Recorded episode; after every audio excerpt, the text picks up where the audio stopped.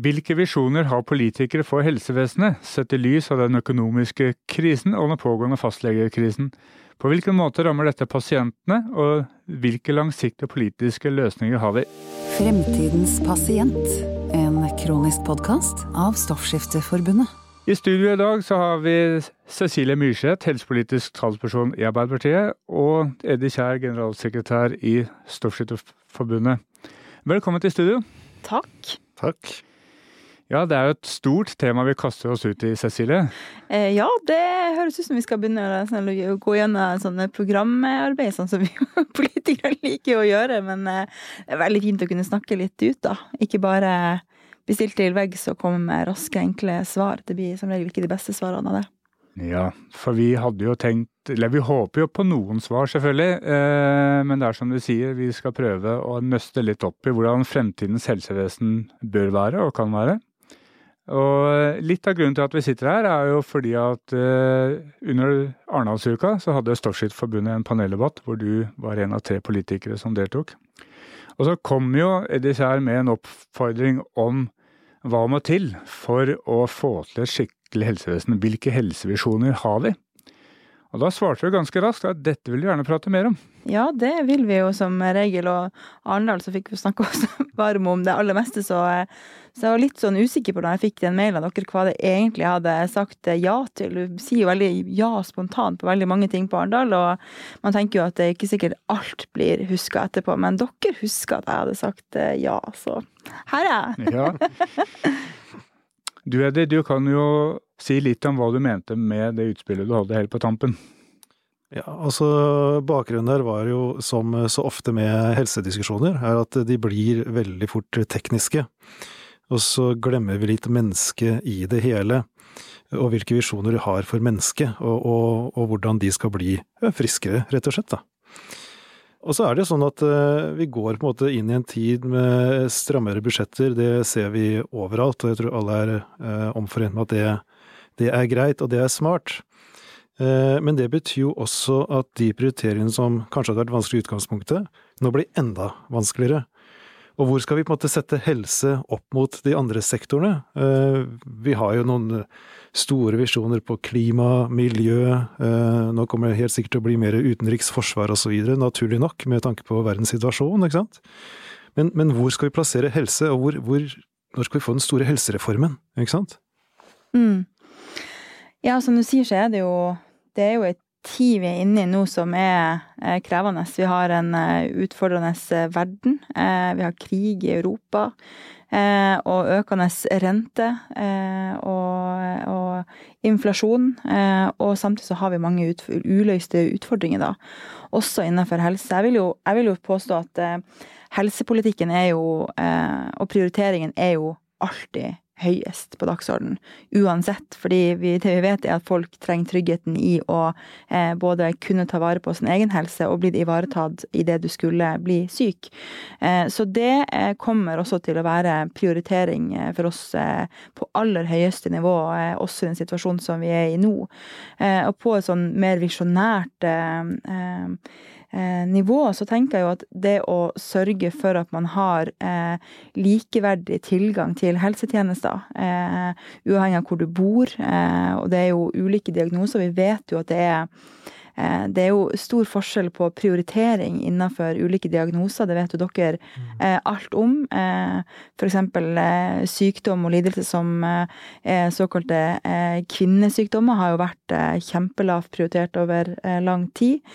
Men jeg tenker at når man snakker om reform, eh, så tror jo jeg at det aller, aller viktigste vi nå gjør, det er å sørge for at vi har eh, nok helsepersonell. Eh, at vi går igjennom hvordan er det vi utnytter de ulike helseprofesjonene for å kunne samhandle bedre. Digitaliseringa kommer. Det må jo også gjøre til at vi får bedre og mer tilgjengelige helsetjenester.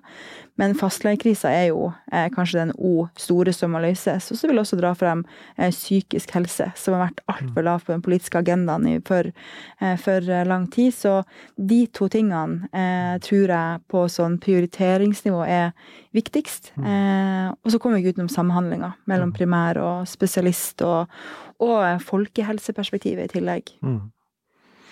Så er det jo litt i lys av stoffskiftesykdom også, med 240 000. Så er det klart at, at vi vi snakker mye om de kroniske sykdommene, altså de store sykdommene. ikke sant? Det vokser og vokser. Det er diabetes, mm. det er stoffskiftesykdom, det er kreft, med mer. Hundretusenvis av mennesker som, som rammes av dette. Og det går jo også rett inn i fastlegetjenesten og fastlegenes hverdag.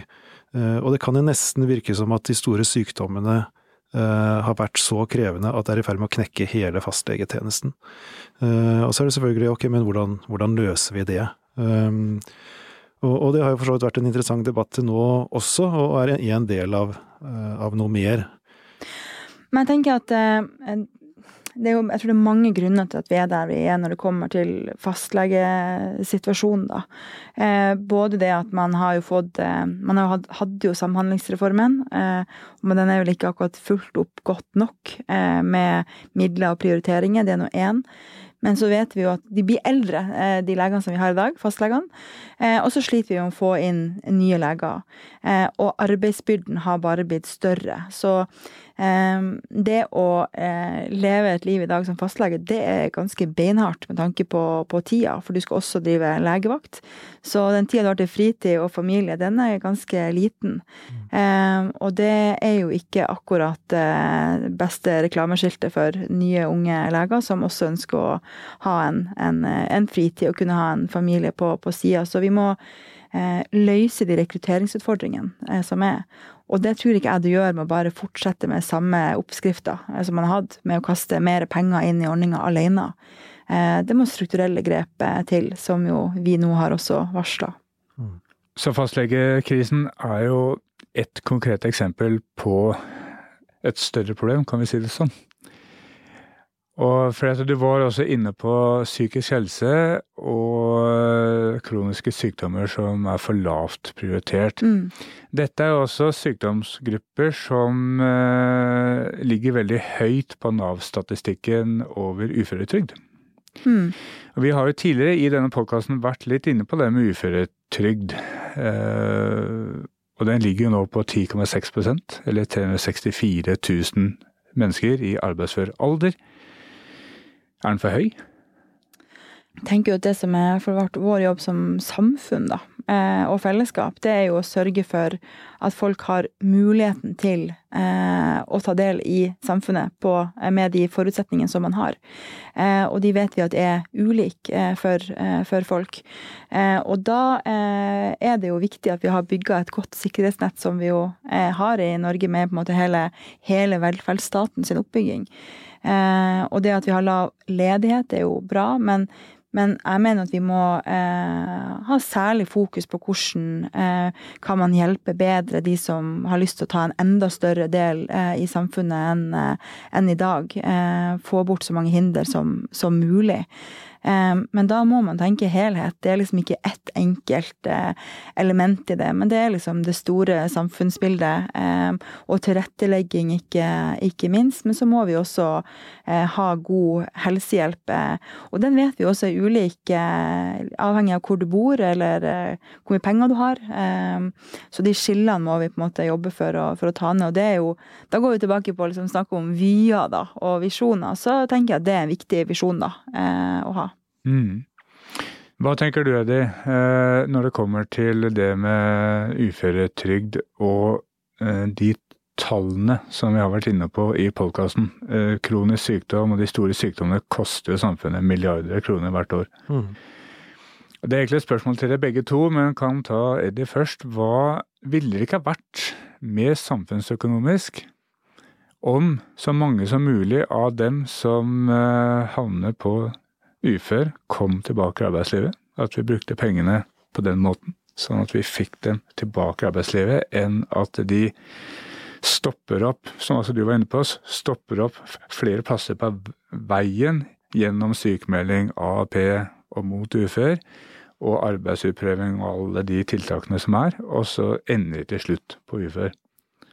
Altså, jeg tror vi skal være forsiktige med å gjøre det i hvert fall til en svart-hvitt-debatt, fordi det er det åpenbart ikke. Det finnes, uh, som nevnt i forrige episode også, uh, ulike grader av det man kaller uføre også. Eh, og det, det, handler jo egentlig om at de som kanskje med litt ekstra hjelp av samfunnet for øvrig, da, kunne klart å stå i jobb, ikke nødvendigvis fulltid heller, men på en måte den prosessen fra, fra at du blir syk, til at det ender på ufør, hva skjer imellom der, og hvilke muligheter har jeg fått for å komme ut i arbeidslivet, eller få tilbake familielivet mitt for, for de som, som trenger det også. Og du kan si Stoffskiftesykdom også har jo noen av de eh, aspektene ved seg hvor eh, kanskje medisinering vil bli oppfattet som ganske standardisert og i overkant rigid når du ikke responderer på standardbehandling. Og hva gjør vi da, når vi ser at pasienten blir dårligere og dårligere og dårligere, men kunne hatt nytte av en annen medisin? Som finnes på markedet, men som vi betaler for selv, eksempelvis. Og da kommer vi litt innom de store grepet innenfor helsevesenet som handler om, i dette tilfellet, individuell refusjon, som i praksis er fjernet. Dette var jo blåreseptens ventil. Tror det, det som var utfordringen i, i, dette spesifikke tilfellet med, med individuell refusjon, som egentlig mer eller mindre forsvant, uh, i hvert fall for nye uh, søkere, uh, det, det, var jo rett og slett at fungerte det på en måte ikke på den standardmedisinen, ikke sant? så fantes det en reserveløsning på sett og vis, da. og når den blir borte, eh, så blir det bare én vei. Og, det, er nok stoffskiftesykdom eh, er nok også kanskje altså nokså unike i den situasjonen, for vi har ikke så veldig mye mer å by på enn mm. den hovedmedisinen som, som, brukes. Og da blir vi ekstra sårbare for det. Men, men det er klart, det er flere sånne enkeltelementer som, som synes å gjøre at handlingsrommet blir mindre og mindre innenfor egentlig hele helsevesenet eh, som sådan. Uh, og, og, og da, da, blir vi litt uh, bekymret for hvordan pasientene kommer ut av dette på, mm. på andre siden. Så jeg tenker at er du innom noe, noe, veldig interessant også, uh, gitt Hvis vi skal snakke om de store visjonene og hvor vi vil, ikke sant. Og det er der også snakker vi om utgifter, eller snakker vi om investeringer. Eh, for veldig ofte så ender det med at selvfølgelig skal man se på utgiftene til statsbudsjettet, eh, og selvfølgelig så blir det innenfor regjeringens fireårsperiode. Men eh, det er ikke veldig ofte innenfor helse at vi snakker om hva det gir i investering. Ikke sant? La oss si individuell refusjon igjen, da. Hadde vi puttet noen millioner inn i det, hvor mange millioner hadde vi fått tilbake ved at folk faktisk deltok i arbeidslivet, familielivet osv.? Det er klart, det kan være en, en vanskelig beregning, men mm at vi må dit, det, det føler jeg meg sikker på. Mm. Nei, jeg tenker det er jo en, eh, er jo en eh, viktig, og, viktig perspektiv å ha med. Altså, alt vi gjør eh, innenfor helse, gjør jo, jo for at vi vil at folk skal kunne leve gode liv. Eh, og det er jo folk det handler om, eh, ingenting eh, annet. Eh, men for å nå de målene vi har, så må vi gjøre også eh, økonomiske prioriteringer. Og det er jo de kjedelige rundene. rundene og sånn er det liksom en del av det å være politiker, særlig i posisjon, og ta de også vanskelige rundene.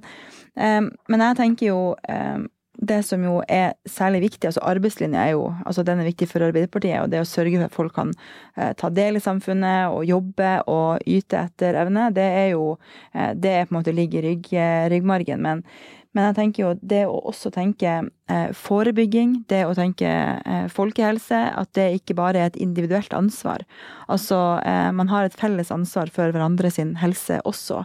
Eh, og det gjør man jo gjennom eh, mange ting, da, eh, for å forebygge sykdom. Det er jo, det er jo noe av den, det er kanskje den viktigste investeringa som vi gjør. og Derfor, f.eks. innenfor psykisk helse, så er jeg jo eh, minst like opptatt av at vi må være tidlig ute, noe særlig blant eh, barn og, barn og unge. Jeg tenker lavterskeltilbud. Det er ikke alt som skal være en diagnose eller behandling.